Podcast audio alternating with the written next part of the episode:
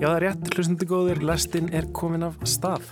Og í þætti dagsins, fótbolti og pólitík, fótbolti og meðsl og tilrunakent tekno. En einhvern veginn tókst aldrei að bróta mér inn í alansliði, ekki fyrir nýjar, hvað 32 að þryggja. Þá fekk ég minn fyrsta leik og Ég hef hýrt menn tala um að ég sé elsti nýliðin í sugunni. ég hef ekki fakt-tjekkað en það geti alveg verið. Sko. Ég var ekkert að hugsa um að gefa þetta út endilega heldur þá, skiljur. Þá er ég bara að vinna úr einhverjum svona tilfinningum og pælingum um einmitt uh, bara stríð og ástandi í heiminum og eitthvað svona á einhvern instrumental tónlist sem er svo kannski bara techno in the end, ég veit það ekki. Maluma, don't you have problem with, with human rights violation on this country? Yeah, but it's something that I can't resolve. I just came here to enjoy life, enjoy soccer, the party of soccer. Ég heiti Lóabjörg Björnstóttir. Ég heiti Kristján Guðjónsson og þetta er lestinn þriðudaginn 22. november.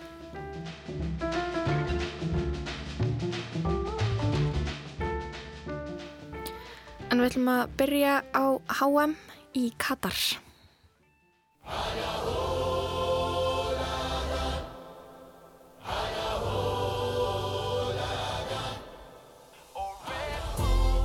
Heimsmeistaramótið í knatsbyrnu Karla hófst á sunnudag með mikilli opnunar aðtöp, hallarislegri eins og lög gera ráð fyrir og svo 2-0 tapi gestgjafana í Katar gegn Ekvator í opnunarleik á hinnum stórglæsilega Al-Bait leikvangi í Doha.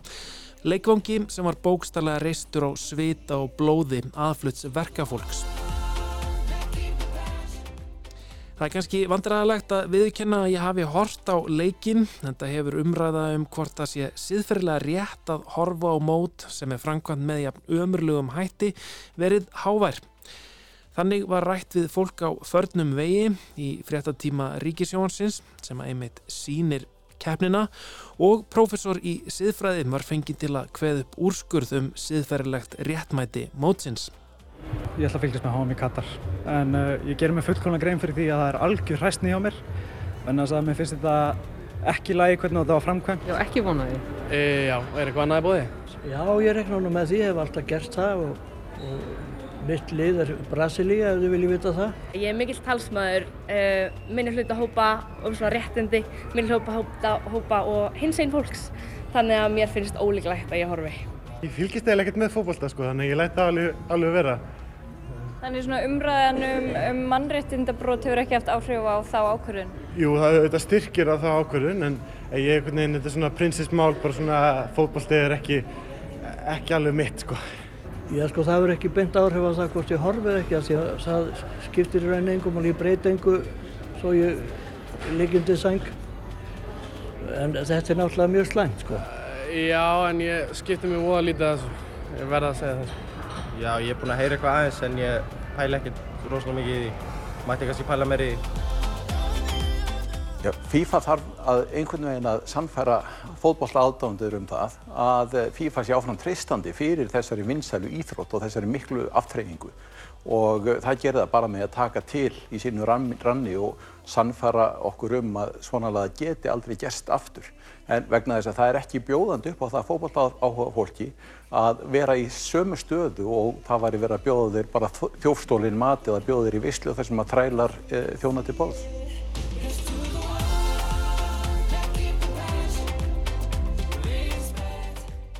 Þetta er langt frá því í fyrsta skipti sem að HM í fótbolta hefur verið umdeilt. Það var kæft í skugga herfóringjastjórnar í Argentínu 1978. Fátakra hverfi voru rutt fyrir leikvelli í Brasilíu 2014 og keppnin árið 2018 var sér hannað tengsla myndunar tækifæri fyrir Pútin sem hafiði nýlega tekið yfir Krímskaga. En það er augljóst að umræðan hefur aldrei verið svona hávær og kannski skiljanlega. Það eru ýmsar og fjölbreyttar ástæður sem fólk hefur fyrir því að fordæma og jável sniðganga mótið, mútur og spilling við útlutununa, aðstæður aðflutsverkafólks í Katar, dauði fjölmargraðira við byggingu leikvanga og fleiri mannvirkja í aðdraðanda mótsins, réttindarleysi hins eginn fólks og staða kvenna í landinu og já, auðvitað líka bjór bannið á fótboltavöllunum. Eins og oft þegar ríki eða aðrir valdaðilar reyna að þvó ímynd sína með menningar viðburðum eða íþróttum fer umræðan að snúast um það hvort gagleira sé að þeia eða æpa, sniðganga keppnina eða mæta og mótmæla, sína afstöðu í verki, vekja aðtikla á málstanum, taka samtalið. En það er eitt að segjast alltaf að gera þessa hluti og annað að gera þá í raun en það krefst að yfirleitt þess að maður taki áhættu, fórn einhverju sem skiptir máli, fórni lífi, límum eða afkomu. Boycott is not the answer, að mæta ekki er ekki svarið, heldur samtalið samtalið og beita þrýstingi og, og, og það er eitthvað sem að Norðundin eru búin að gera núna í sex ár eða sjö ár. Fjölmjölafólk hefur reynd að dansa línudans með þess að taka þátt í íþróttapartíunu og svo að tala reglulegum erfiðumálinn. Þannig fara ímis einslög og viðtöl sem ættu bara að fjalla um íþróttir og skemmtilega málefni að snúast um pólitík og mannréttindi. Þannig var til dæmis kolumbíski tónlistamæðurinn Maluma spurður um hans þáttöku í mótinu en hann tekur þátt í að syngja eitt af enginnislögum keppninar í ár. Læðið Tugo Taka ásand henni bandarísku Nicki Minaj og henni líbönsku Miriam Fari. Hann tók vægasagt illa í spurninguna og gekk hreinlega út.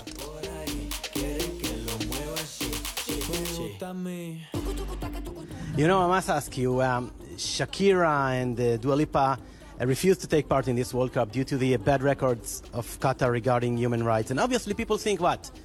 Maluma, don't you have problem with, with human rights violation on this country? Yeah, but it's something that I can't resolve. I just came here to enjoy life, enjoy soccer. The party of soccer is not is not actually something that I have to be involved with. I'm here enjoying my music and uh, beautiful life playing soccer too. But you, can you understand just people who are gonna say that by the very, Under- by the very presence of you here, you're like helping Understand- whitewashing whitewashing Understand? the. Do uh, I have to answer that question? Okay. No, but I- I'm just asking that people are gonna people are gonna ask. You don't do that. What the problem? I mean, You're rude. I'm rude. Why I'm rude, Maloma?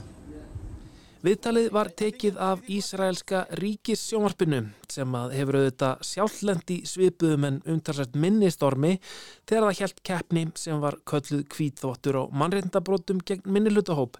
Keppni sem var deilt um, að minnst að kosti hér á landi, hvort ætti að taka þátt í eða sniðganga. Það er söngakeppni Evróskra sjónvastöða. Það er hægt að spekla ímislegt í þeirri keppni og heimsfinstaramótinu í Katar. Á svipaðan hátt og Ísraels ríki sakar alla þá sem styðja sniðgöngu um gýðingahattur. Þá saka Katarar og FIFA Evrópu þjóðir um muslimafóbíu og virðingaleysi fyrir menningu annara þjóða. Should be apologizing for the next 3,000 years before starting to give moral lessons to people. Þegar ég horfið á opnunaratöfnuna var mér líka hugsa til þess hvernig yfirvöldi Ísrael notfæri sér umburalendi gagvart samkynneið í landinu til að breyða yfir hernámið í Palestínu. Sem sagt, eitt aðal hlutverkið í opnunaratöfn keppninar á sunnudag var leikið af tvíturi YouTube stjörnu, Ghanim Al-Mufta, en hann er með augsýnilega föllun en hann fættist án fóta og neðri hluta búks. Á sviðinu var hann látin ræða við leikaran Morgan Freeman um fegurðina í fjölbreytileikanum. With tolerance and respect, we can live together under one big home. In Arabic, Beit al-Sha'ar is the Bedouin tent. Wherever it is built, that is home. And when we call you here, we welcome you into our home. So we gather here as one big tribe. Og um virðingu og fjölbreytileika var einnig sungið í einkennislægi keppninar Dreamers með K-pop stjörnunu Jungkook. Sapnist saman horfið á mig virðið ástina einu leiðina.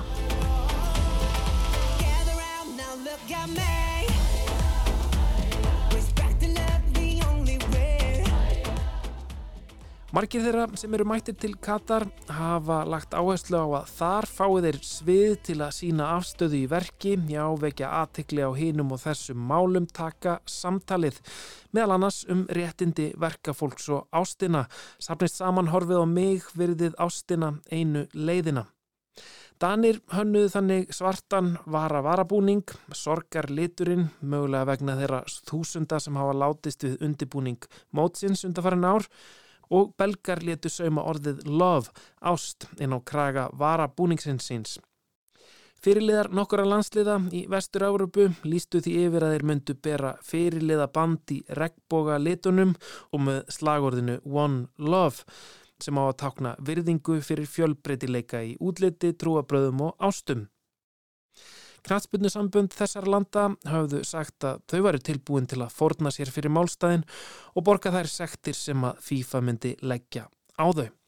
En þegar FIFA tilkynnti á fyrsta degi mótsins að það myndi líklega gefa leikmönnum gulaspjaldið fyrir að bera þetta pólitíska táknum virðingu fyrir fjölbreytileikarnum Báðu aðstandendur landsliðana, Englands, Wales, Belgiu, Sviss, Þískalands, Danmerkur og Hollands fyrirliða sína um að sína ábyrð og eiðilegja ekki fyrir samherjum sínum og samlöndum.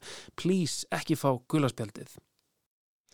Og enn sem komið er hefur engin fyrirliði ákveðið að fara gegn óskum síns knatsbyrnussambands.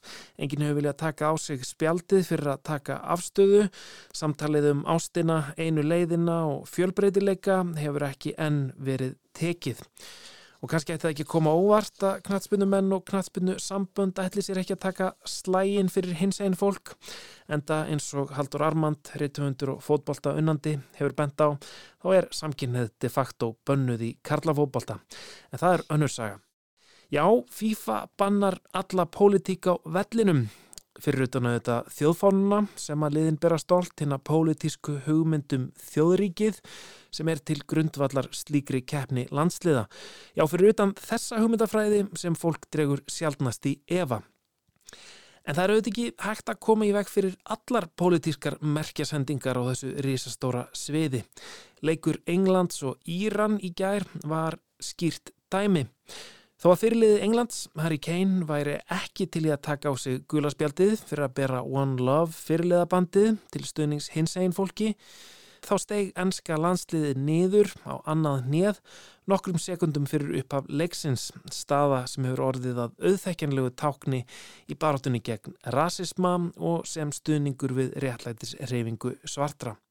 Dómarinn virðist ekki hafa gert neitt sérstatmálda því.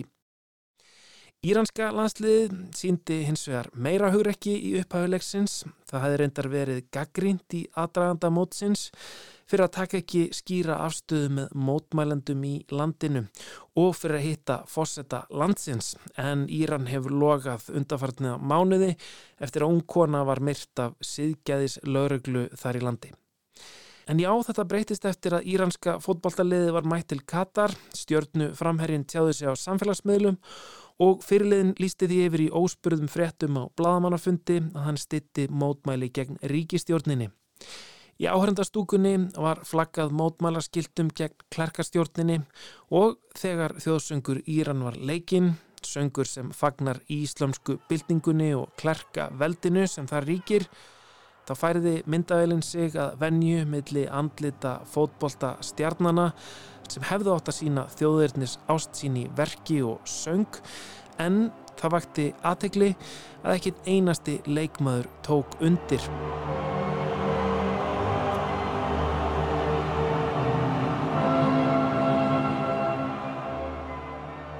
Þessi tákræna og æbandi þögn írönsku fótbolltamannina er enn sem komið er áhrifamestu mótmælin á heimsmystaramótunni Katar.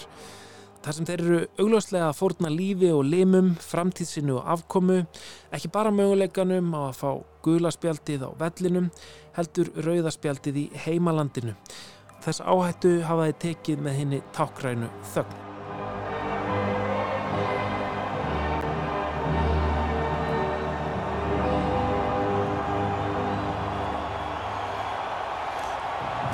Við veitum hvort það eru skilabóð en, en íriðsku leikmennundir uh, tóku ekki undir í þjóðsögnum en uh, mögulega er ég að gera mikið úr því en, en uh, allavega forvittilegt en þá ætlum við að fara þessu næst í byrjunarliðin og... Það var Hörður Magnússon sem að lísti leik Englands og Íran á heimsmestramótinu í Katar í gær Um, já, það eru margir sem eru svona að velta fyrir sér hvort að það sé siðferðilega rétt að uh, horfa á uh, þetta móti. Ég sá einhverja tölur uh, hérna, frá Rúf um að fleiri hafi hort á opnarleikin í ár heldur en fyrir fjórum árum í Rúslandi. Þegar meiri segja, þegar Íslandi var að keppa þá sko á mótinu. Þannig að það er svolítið aðdilsvert. Já, kemur þetta þeirra óvart? Ja? Já, svolítið. Kemur svolítið óvart að, að, hérna, að það sé ekki fleiri sem sniðgangi keppna en En, um, en svo má velta fyrir sér hvort að þetta sé á ábyrð einstaklingana, um, Rúf hefur ákveðið að, að sína þetta og meina, við erum að borga fyrir það með skattpenningunum okkar. Já, ég meina ef að löndin ákveða allir að taka þátt og fókbóltamenninin ákveða allir að spila og sjómanstöðunar ákveða að sína frá þessu, þá virkar það kannski svolítið tilgangslöst að mótmælinn fælist í því að kveika bara ekki á sjómarspinu. Já, spurninga. Er þetta er svona kannski svolítið eins og uh, það þegar ábyrðin er sett á einstaklingin að flokka ruslið en, en, en stóru oljufyrirtækin halda fram að menga og, og hérna. Bara svona dæla olju í sjóin. Já, jú, en, en, en, en jú, það, það eru alls konar vinklar þó á þessu máli þannig að hérna, ég er ekki búin að um, gera, gera upp við mig um, hversu mikið ég ætla að horfa. Ég ætla að horfi en svona með óbeit á sjálfum mér. Pýrur, pýrur augun. Já horfum svona með jæðarsjóninni um, en já, við ætlum að færa okkur úr fótballtanum yfir í tónlist við ætlum að heyra nýtt tilrönakent tekno og ræða við myndlistakonuna tónlistakonuna Berglindi Ágústsdóttur sem hefur um ára byll gefið út tilrönakent disco pop þá undir sínu eigin nafni. En í september þá sendi hún frá sér plötuna Lost at War núna undir listamannsnafninu Siggi Ólafsson og það kveður við nýjan tón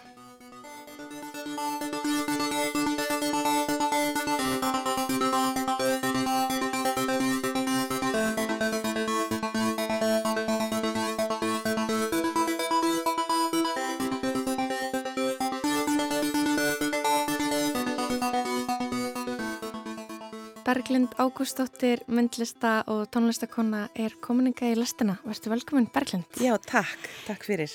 Í lok september kom út plattaðin Lost at War undir listamannsnafnunu Siggi Ólafsson.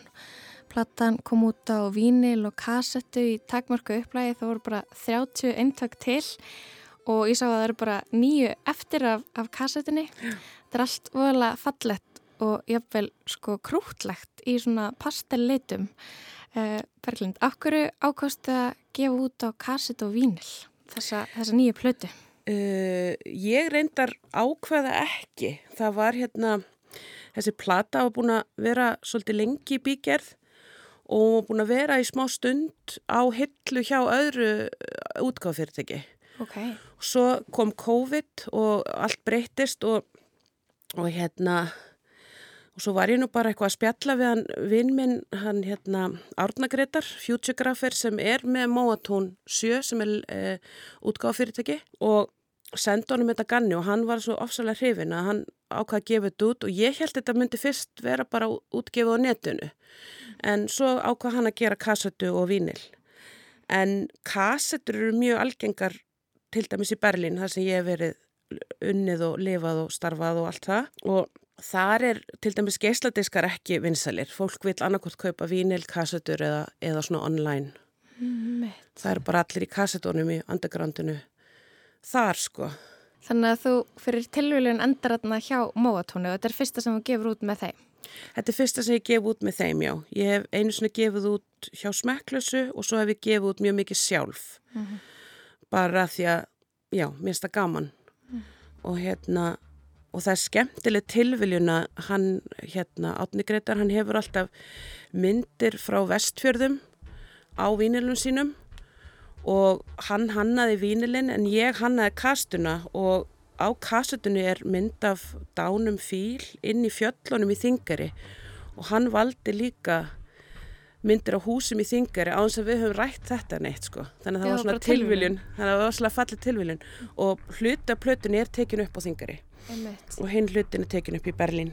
Þannig að þetta er svona einhvern veginn vestferðinir og, og Berlín. Já. Þannig að þú fóst, fóst í eitthvað svona residensi fyrir vestan að klára plötuna. Já, ég fór í residensi fyrir vestan mm -hmm. að klára plötuna og platan er eins og fyrrsagðir gefin út undir nafninu Siggi Ólason en ég hef gefið út áður undir nafninu Berglind Ágstóttir sem var meira svona disco, party tónlist sem að ég syng og tónlistin er eftir aðra. En í þetta sinn vildi ég gera tónlist einn og taka svolítið mig út úr því veist, þannig að mitt svona ego sé ekki aðna heldur þetta allt er ego sem er Siggi Ólusson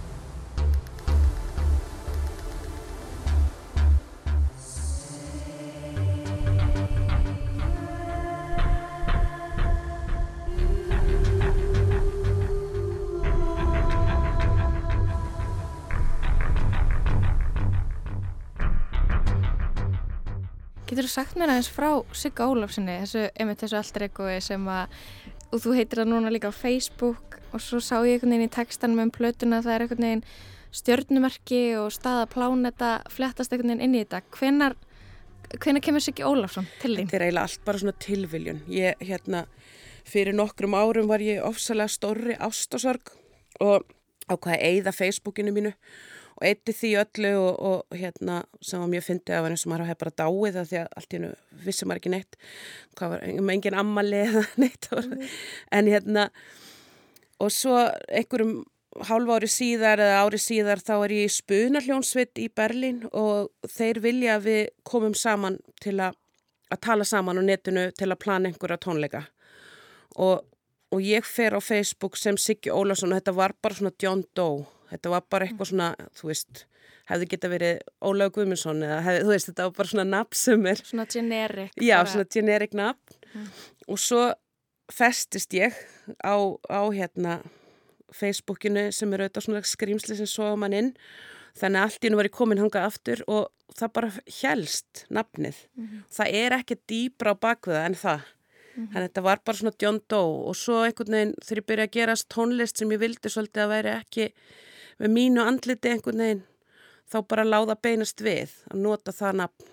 Mm þannig að það er ekkit volega já, flókin pæling sko. Það, Þetta verður ekki að gera með eitthvað svona nú ætla ég aðeins að prófa að gefa tónlist sem karlmaður. Nei, Nei. Þetta, ekki, þetta er ekki gender pæling sko. Mm en, en fólk leggur alls konar meiningunni og það er rosa gaman. Fólk hefur verið að spyrja mig hvort ég er trans, fólk hefur verið að spyrja mig um alls konar einmitt svona genderpælingar og og svona emitt, hvað segir maður eins og hérna ríðtöfundarnir sem eru með nöfn sem eru... Mm, svona skáldanafn. Já, svona skáldanafn og mm -hmm. sless. En nei, það var ekkert þannig. Þetta hefur meira svona með að gera þú vilt kannski aðeins prófa að vera ekki alveg þú, þú, þú í, í því sem þú ætti að gera. Þú ætti að taka því út fyrir já, svega. Já, því þú ert að gera svona pop og disco, þá er það svolítið svona ego, þú veist, þú ert mm -hmm. að kannski að syngja um sjálfa þig og ástina og eitthvað. Þannig vildi ég gera tónlist meira instrumental og einn og, og já, ég var í einhverju svona díalóg, ég var, uh, ég var frekar sorg með að tekja þessa plötu. Það hefði hérna tveir svona kunningjavinir mínir dáið á sama tíma þó þeir var ekki tengdir sko mm. og svo var ég ofsalega upptekinn af þessu, þessu stjörnumerkja pælingu og, og já, mér bara átti erfitt með að syngja og langaði ekki að gera svona party svona disco eitthvað, ég vildi gera eitthvað annað. Mm -hmm. ég var ekkert að hugsa um að gefa þetta út endilega heldur þá, skiljur þá er ég bara að vinna úr einhverju svona tilfinningum og pælingum um einmitt uh, bara stríð og ástandi í heiminum og eitthvað svona á einhvern instrumental tónlist sem er svo kannski bara tekno inn í end, ég veit ekki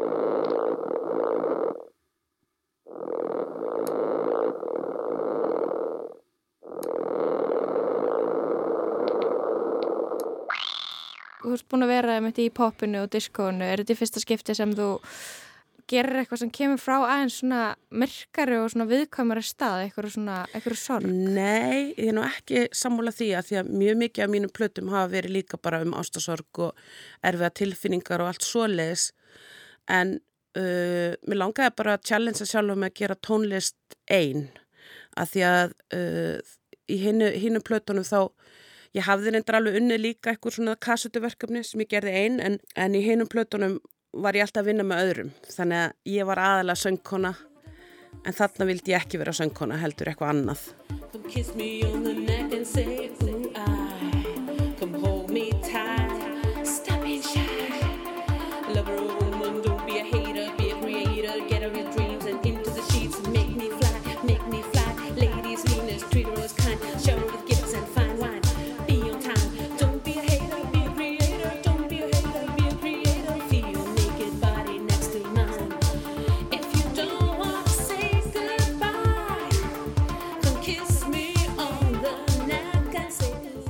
mér finnst alveg listi mín hafa oft komið frá dimm og dökkum stöðum, skilur mm. og ég fjalla mjög mikið um alls konar tráma og ofbeldi sem maður hefur lendi og alls konar, þannig að það er ekkit endilega nýtt, sko.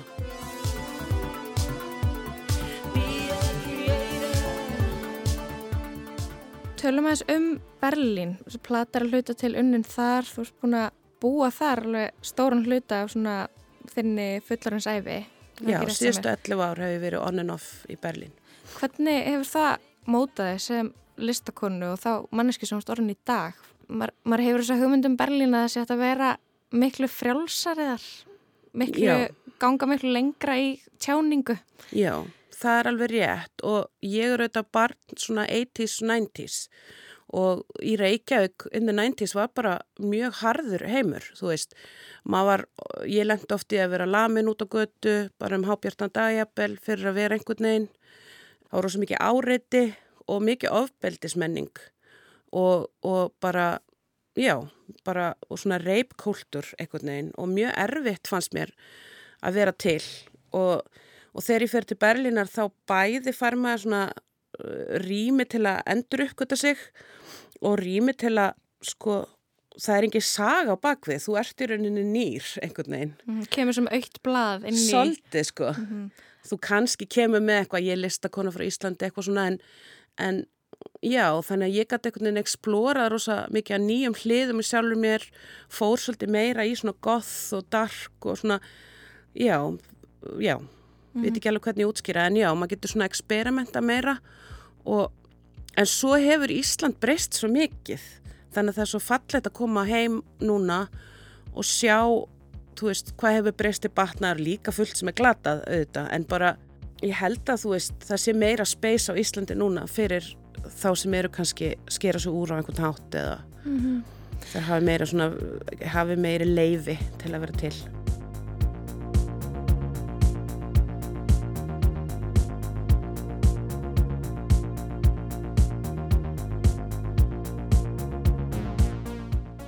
Berlin eru auðvitað bara svo mikið að listamönnum að þú ert sundum svolítið svona þú veist hérna kannski er auðveldara að fá aðtegli með verkin sín eða auðveldara að þú veist það er miklu færri einhvern veginn. Mm -hmm. þannig að þekkjast allir.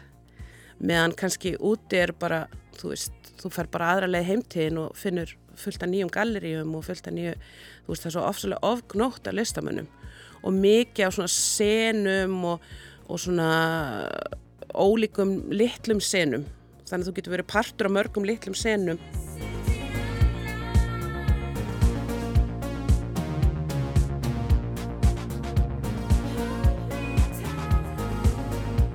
Mér finnst alveg á Íslandi rosalega góð myndlist og, og mikið framústefnilegt og gott staf í bóði og gangi þannig að ég veit ekki endilega hvort að segja eitthvað þannig munur á þú veist, listamenn eru bara listamenn og gera sína list hvar sem þeir eru mm -hmm. þannig að það er alveg pláss sko. En það er kannski bara, þú veist noise-sena til dæmis eða experimental music-sena er kannski bara færri sem mæta af því það er bara færra fólk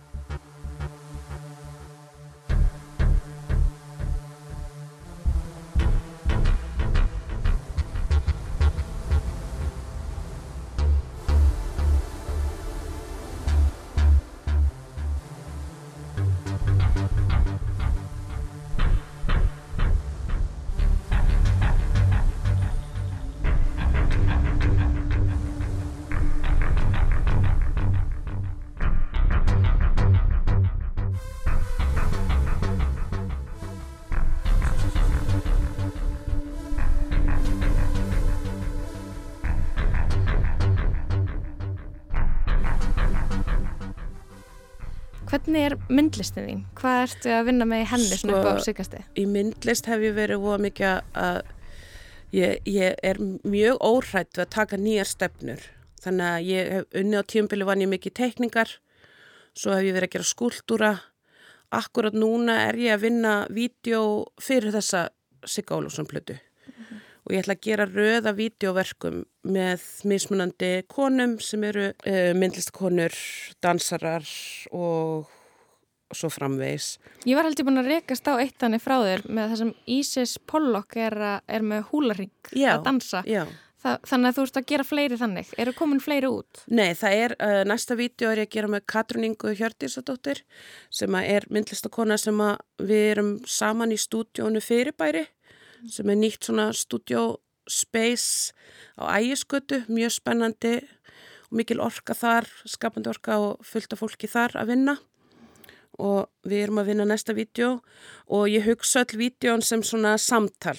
Þannig að ég er ekki beint einhver leikstjóri sem stjórn öllu heldur það er rosa mikilvægt fyrir mig að þetta er eitthvað svona díalógur eða samtal. Og eins og vídeo sem gerði með Isis Pollock það var unni þannig skilur að hún upplýði einhvers konar valdeflingu og sé hafi einhver svona, einhver stjórn á aðstæðum en ekki að ég sé bara projekta hvað segir maður á íslensku, mynd eða varpa á hann einhverju hugmyndu mínum Mm. heldur að við séum í samtali og samvinnu Mhm, þú einmitt. veist, sem ég er stofsalega fallet og, Og Hún, og sé, hún er mitt dansari og ung kona, hún hefur svona eitthvað agency í Nákvæmlega. nákvæmlega Mhm. og, og, og líka bara, veist, hún er kannski svona pínu lítið að explóra sinn svona kynþokka til dæmis. Hún hafi sem sagt svona safe space eins og maður myndi segja. Einmitt. eða örugan stað til að vera hún sjálfa hans að þú veist, að því ég mann sjálf eftir ég starfaði oft sem ég var ofta að vinna sem fyrirsæta eða taka þátt í einhverju listrænum verkefnum annara að stundum er fólk bara veður yfir þig, skilur sérstaklega þú ert svona ung stelpa, þú veist, þá er oft erfitt að navigata skilur heim einhvers annars og þannig að mér finnst það svolítið mikilvægt að það fyrir kannski líka bara eitthvað veganesti sem maður er að gefa öðrum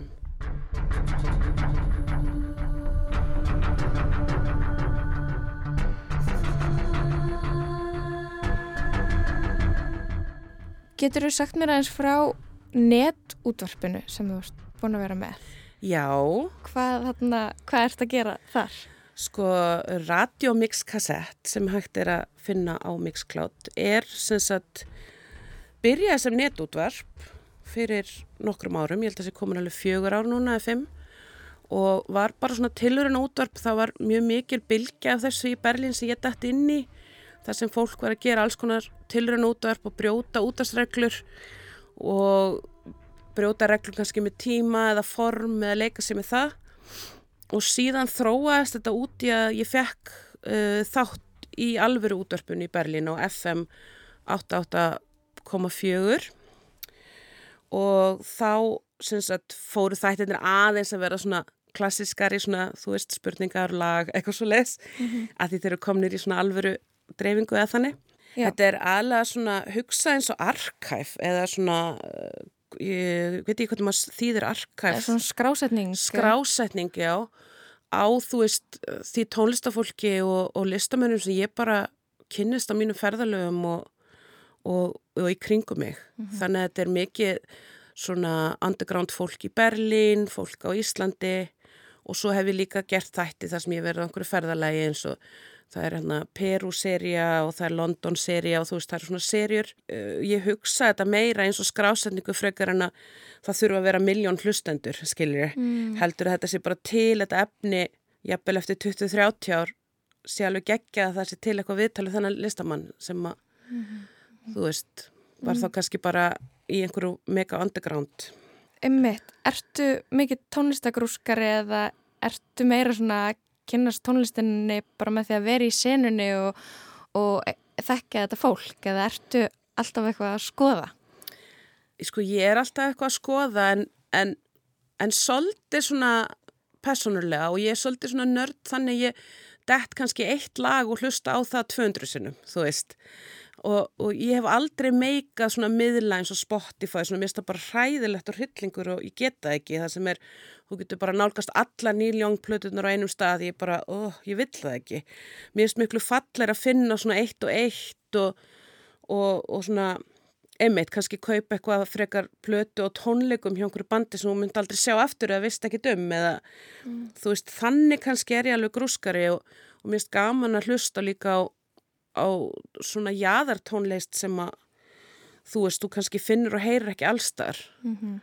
Þetta er, aðtöfn líka fyrir þig, ekki svona bara, þú vilt ekki vera mötuð Nei, ég vil ekki svona, ekki, nei mm -hmm. en en ég elska útvarp til dæmis og mér finnst útvarp alveg stórkoslega miðl og, og sérstaklega finnst mér sko útvarpið sem út af spilgi útvarp þess að það var svo mikið gaman að vera alltaf komin í alveru útvarpið, svona eins og maður segir gæsalafir, þú veist það sem maður bara finnur, þú veist fólk er kannski að skrolla í gegnum útastækið og finnur þætt, þátt með þér skilur, mm -hmm. það finnst mér svo fallet að því að það er eitthvað svona tilviljun og, og magic eða svona töfrar mm. í staðin fyrir að ferða á netu og ert þá kannski að leita einhverju ákveðnu mm -hmm. að þá hefur mér alltaf þótt svo vænt um að vera bara miðan nótt eitthvað að fara í gegnum útvarpi og finna kannski eitthvað aðeinslan þáttum eitthvað sem ég væri, hefði annars ekki hlusta á mm -hmm. fattur þú hvað að meina? Algjörlega, einmitt Ef við möttum spyrja þig, hvað lag ertu búin að vera að hlusta á 200 sinnum núna þessa, svona núna eitthvað neina í november í, á Íslandi Það er nú bara eitthvað svona teknodót sko, ég er búin að vera svolítið í teknostöði mhm. eftir að ég kom til Íslands, það er mjög fyndið að því út í Berlín hlusta ég miklu meira á svona experimental tónlist, svo alltaf ég kem til Íslands fer ég að hlusta svolítið á tekno og danstónlist, ég er reynda rosalega ástfangin af hérna, íslensku hljónstinni Russian Girls og Skröttum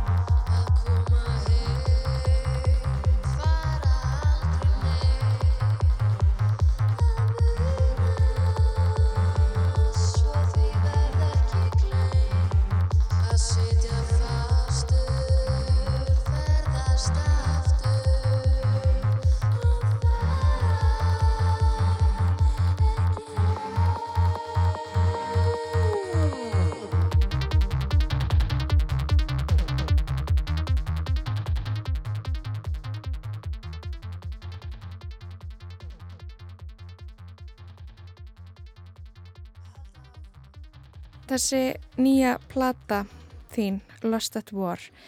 Þú semur hana í gegnum eitthvað svona sorg og erfiðar tilfinningar og ætlar ekki að gefa hennu út og svo kemur hennu út. Hvað það fyrir þér að, að hlustendur eigi svona fátur í að hlusta á hana? Hvað tilfinningu vonastu til þess að framkalla í þessari plötu? Sko ég hugsa þessa plötu svolítið sem ferðalag. Hún er uppbyggð þannig eins og kannski kvikmynd eða, eða svona, hún, hún er línuleg þannig að ég myndi mæla með því að hlusta á hana þannig allavega til að byrja með mm -hmm. fari gegnum hana þó að komi einhver kannski skrítin hljóð eða eitthvað sem því að finnst ekki áhugavert að leifa því að fari gegnum eins og hún væri að horfa bíómynd og mm, hún þetta heitir Lost at War að því ég var svolítið að hugsa um, um dauðan og einhvern sem var tindur í stríði og svo var ég bara mjög upptikinn af þessu þessu hérna Uranus í Taurus sem er svona stjörnumerkja eða stjörnu spekis viðburður mm -hmm. sem fjalla líka um, um átök og, og sagt, umkörfið og já mm -hmm. en hvað fólk það er rosa misa hvað fólk er að upplifa sumum upplifa þetta eins og kvikmyndatónlist sumum finnst þetta bara að vera tekno sem mér fannst mjög gaman að heyra, að því ég var ekkert endilega að hugsa að þannig því ég bjóða til sko mm -hmm. og, og hérna þannig ég var mjög hissa svona að fá þau viðbröða sem fólk var bara að dansa og fíla þetta sem svona teknotónlist. Við mitt hlusta á þau í röð og prófa að hlusta plötuna í hilsinni það er þetta finna henn á bandkamp Siggi Ólafsson Lost at War. Já. Berglind Ágústóttir, þakka er kellaði fyrir komuna í lestina, virkilega gafna spjalla við Já, takk fyrir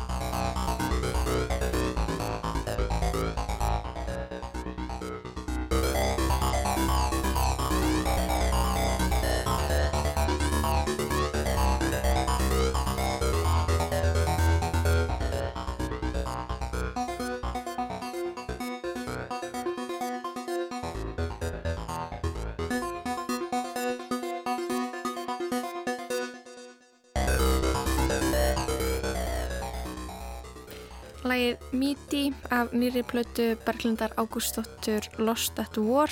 Hún var einna og rætti við okkur um tónlist, útvarp og Berlín þar sem hún hefur búið í mörg ár og já, í einslæginu þá heyrðust ný lög af uh, þessari nýju plötu ásamt eldri lögum. Við vorum að heyra þarna Dream Lover og Don't be a hater, be a creator.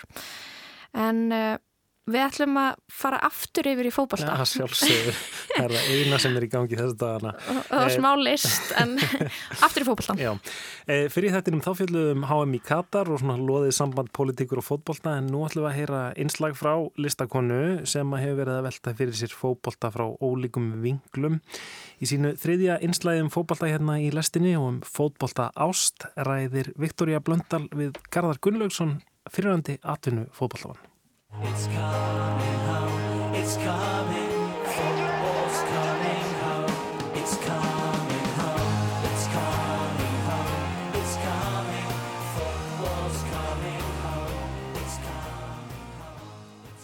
Ég veit að ef ég var í atvinnu manneskja í fótbolta þá myndi skapið vera mín staðsta hindrun. Keppniskapið og sá stóri biti að fótboltanum að einhver verður að tapa. Þegar ég var yngri, nei ok, þegar ég var ung, að ég 6-7 sinum í viku og spilaði svo einn eða tvo leiki í viku líka. Því að það var lítið mál, eiginlega bara ekkert mál, muniðið. Ekki vera löt allir í kvöt og allt það. Ég á mjög mikið að góðum og fallegum minningum frá þessum tíma, til dæmis pæjumóti og syklufyrði, borganismótin, þar sem einn þjálfari minn var ámyndur á að þetta væri bara leikur og ef hann tæki ekki þennan tutta, nummer 13, út af þá er þið að blása leikin af. Minningar um mig og bestu vinkonu mína, Rut, að spila á móti hver annari sem endaði yfirleitt með blóði og tárum þannig að þjálfarinn þurfti alltaf að hafa okkur í sama liði því annars er þið bara að sprengja. Og svo klefastemningin þegar maður komst í meistaraflokk. Hún var alltaf sveipuð einhverjum undra ljóma. Liktinn af hitakremi, svita og súrum sokkum var alltaf góð, bara sama hvað. Klefastemningin þar sem maður fekk 100% það pepp sem maður þurfti og ef ekki þurfti pepp þá allavega hann hlátur.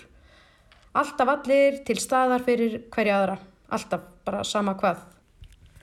Það versta sem ég geti ímynda mér að ef að hausin á mér myndi bara hætta að virka, ef bara einn daginn myndi ég vakna og bara hallá heili, hann bara virkar ekki. Ég bara fæ engar hugmyndir og ég hef ekki orku að hugsa upp neina hluti eða finnur út úr næstu skrefum bara ef að hausin á mér færi í verkvall og heilin væri bara bæ sem sjálfstætt starfandi listamæður þá væri það smá dauði og annars ágættum ferli, bara bæjó. Og ef þú ert atvinnumæður í fótbolta og meiðist þá ferðu bara aftast í röðun og þú getur ekkert gert, jújú jú. auðvitað en, en svo eru meðslinn kannski langvarandi og þú ert enn á bekknum eða ert ekki einu svona á bekknum heldur bara heimaðu þér. Það að vera atvinnumæður í fótbolta og að vera listamæður er alveg smá líkt þú veist, Þú getur verið í byrjanarliðinu og það er sífilt verið að ringi þig og bjóð, bjóða gull og græna skóa þó að peningaflæði í fótbolta og listum sé kannski ekki alveg það sama en samt. Ef þú meiðist eða ef hausunaður hættar að virka og þá kemur sjálfsefinn, lottar að líðan, niður yfið og ógleðin á sjálfu þér. Já, ég get alveg trúið að þetta sé svolítið líkt. En minn þriðji viðmælandi þekkir allavega þann raunveruleika meiðast og meiðast svo meira og missa af og sitja á bekkunum þó hann hafið líka upplifað slattað gleði í boltanum sem hann hefur spilað frá því hann er fimm óra gammal. Legendið Garðar Bergmann Gunnlaugsson býr yfir einhverjum einkennulegum róliheitum og jörð sem ég hef ekki upplefað áður hjá fólki, svona yfir höfuð. Æðruleysi er líklega rétt orðið til að nota yfir hann. Það var bara, já, innsæði, bara einhvern veginn, var aðstofakinn að fókbalta bara frá blötu passbeini og, og þetta hjálpar til þegar bara þegar mann sér verða aðdurum en, ég er, er ég, nýjára þegar þeir flytti út og að fara þetta Hollands í Feyenoord sem þá var eitt af stærstu liðum í Európa og, og þetta náttúrulega verða bara mínar fyrirmyndir í lífin og, og mér er svolítið svona langað að verða eins og og það var svona varmið eins og bara mjög mörgum langaði til að vera.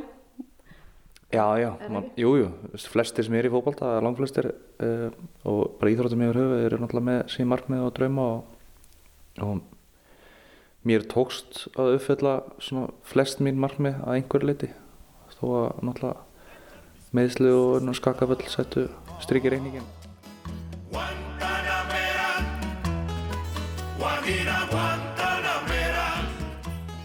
Hverjir voru þessu drömmar?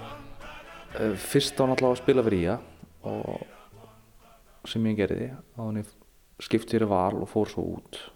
Og náttúrulega að fara út er aðalmarkmið að komast í aðtunum mennsku og einn af stærstu draumunum líka er að spila fyrir landslið og ég var búinn að spila fyrir öll yngri landsliðin en einhvern veginn tókst aldrei að bróta mér inn í, í aðlandsliði ekki fyrir var hvað 32 að þryggja og fekk ég minn fyrsta leik.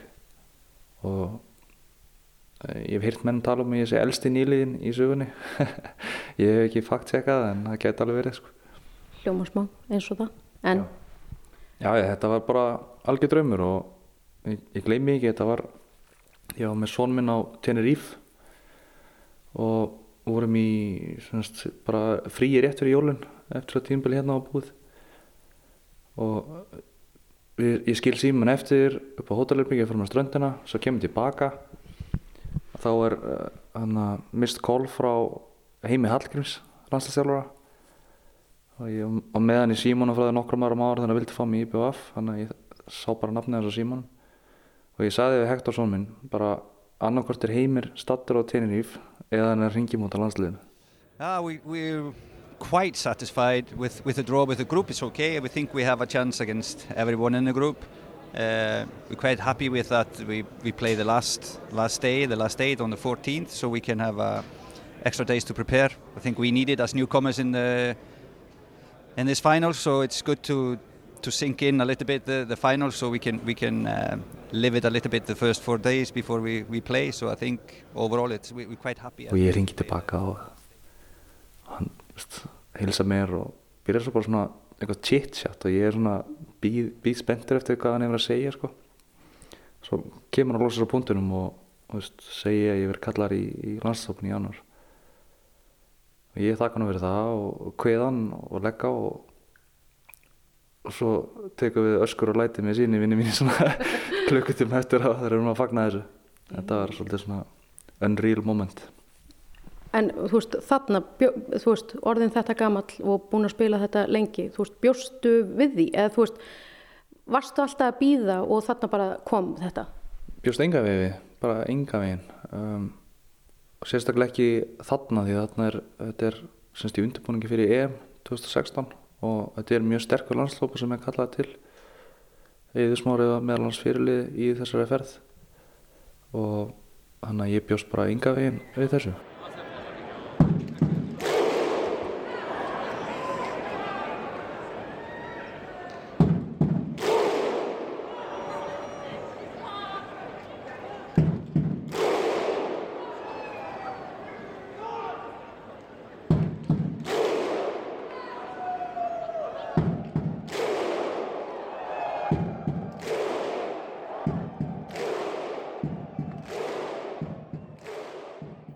tekur náttúrulega svakalega vandlega. Þetta er náttúrulega, þú lifir fyrir, þetta er þín vinna og þú lifir fyrir þessa vinnu og, og líka menn er náttúrulega verkvarðið þitt.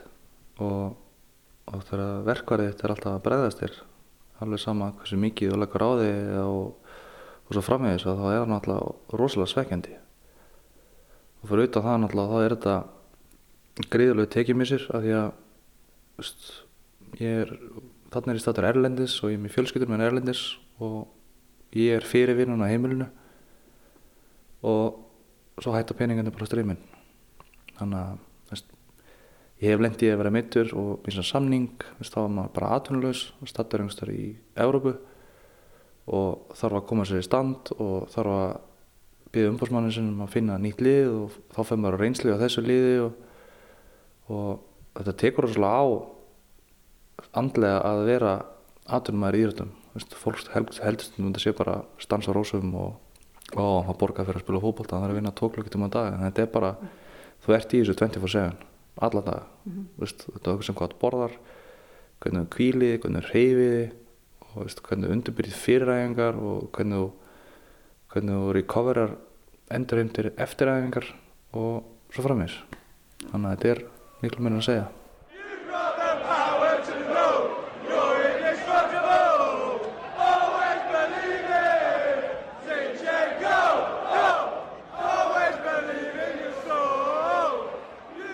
Ég hef verið einhvern veginn ótrúlega jákvæður uh, í gegnum þetta allt saman.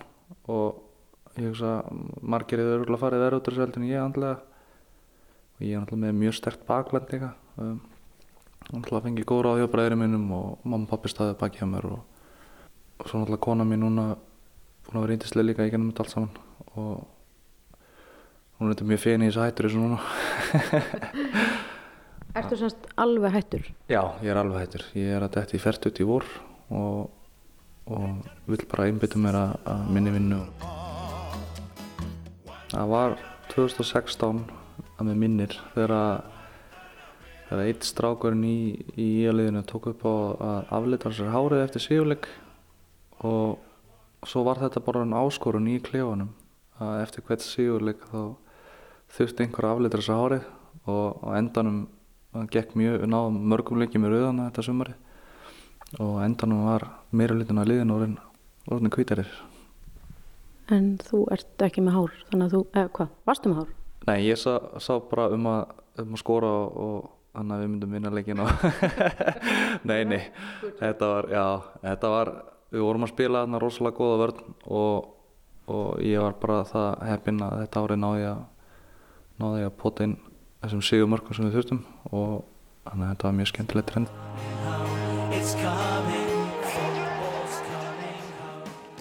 Viktoria Blöndal rætti við Garðar Gunnlaugsson fyrirhandi atvinnumann í fótbolta.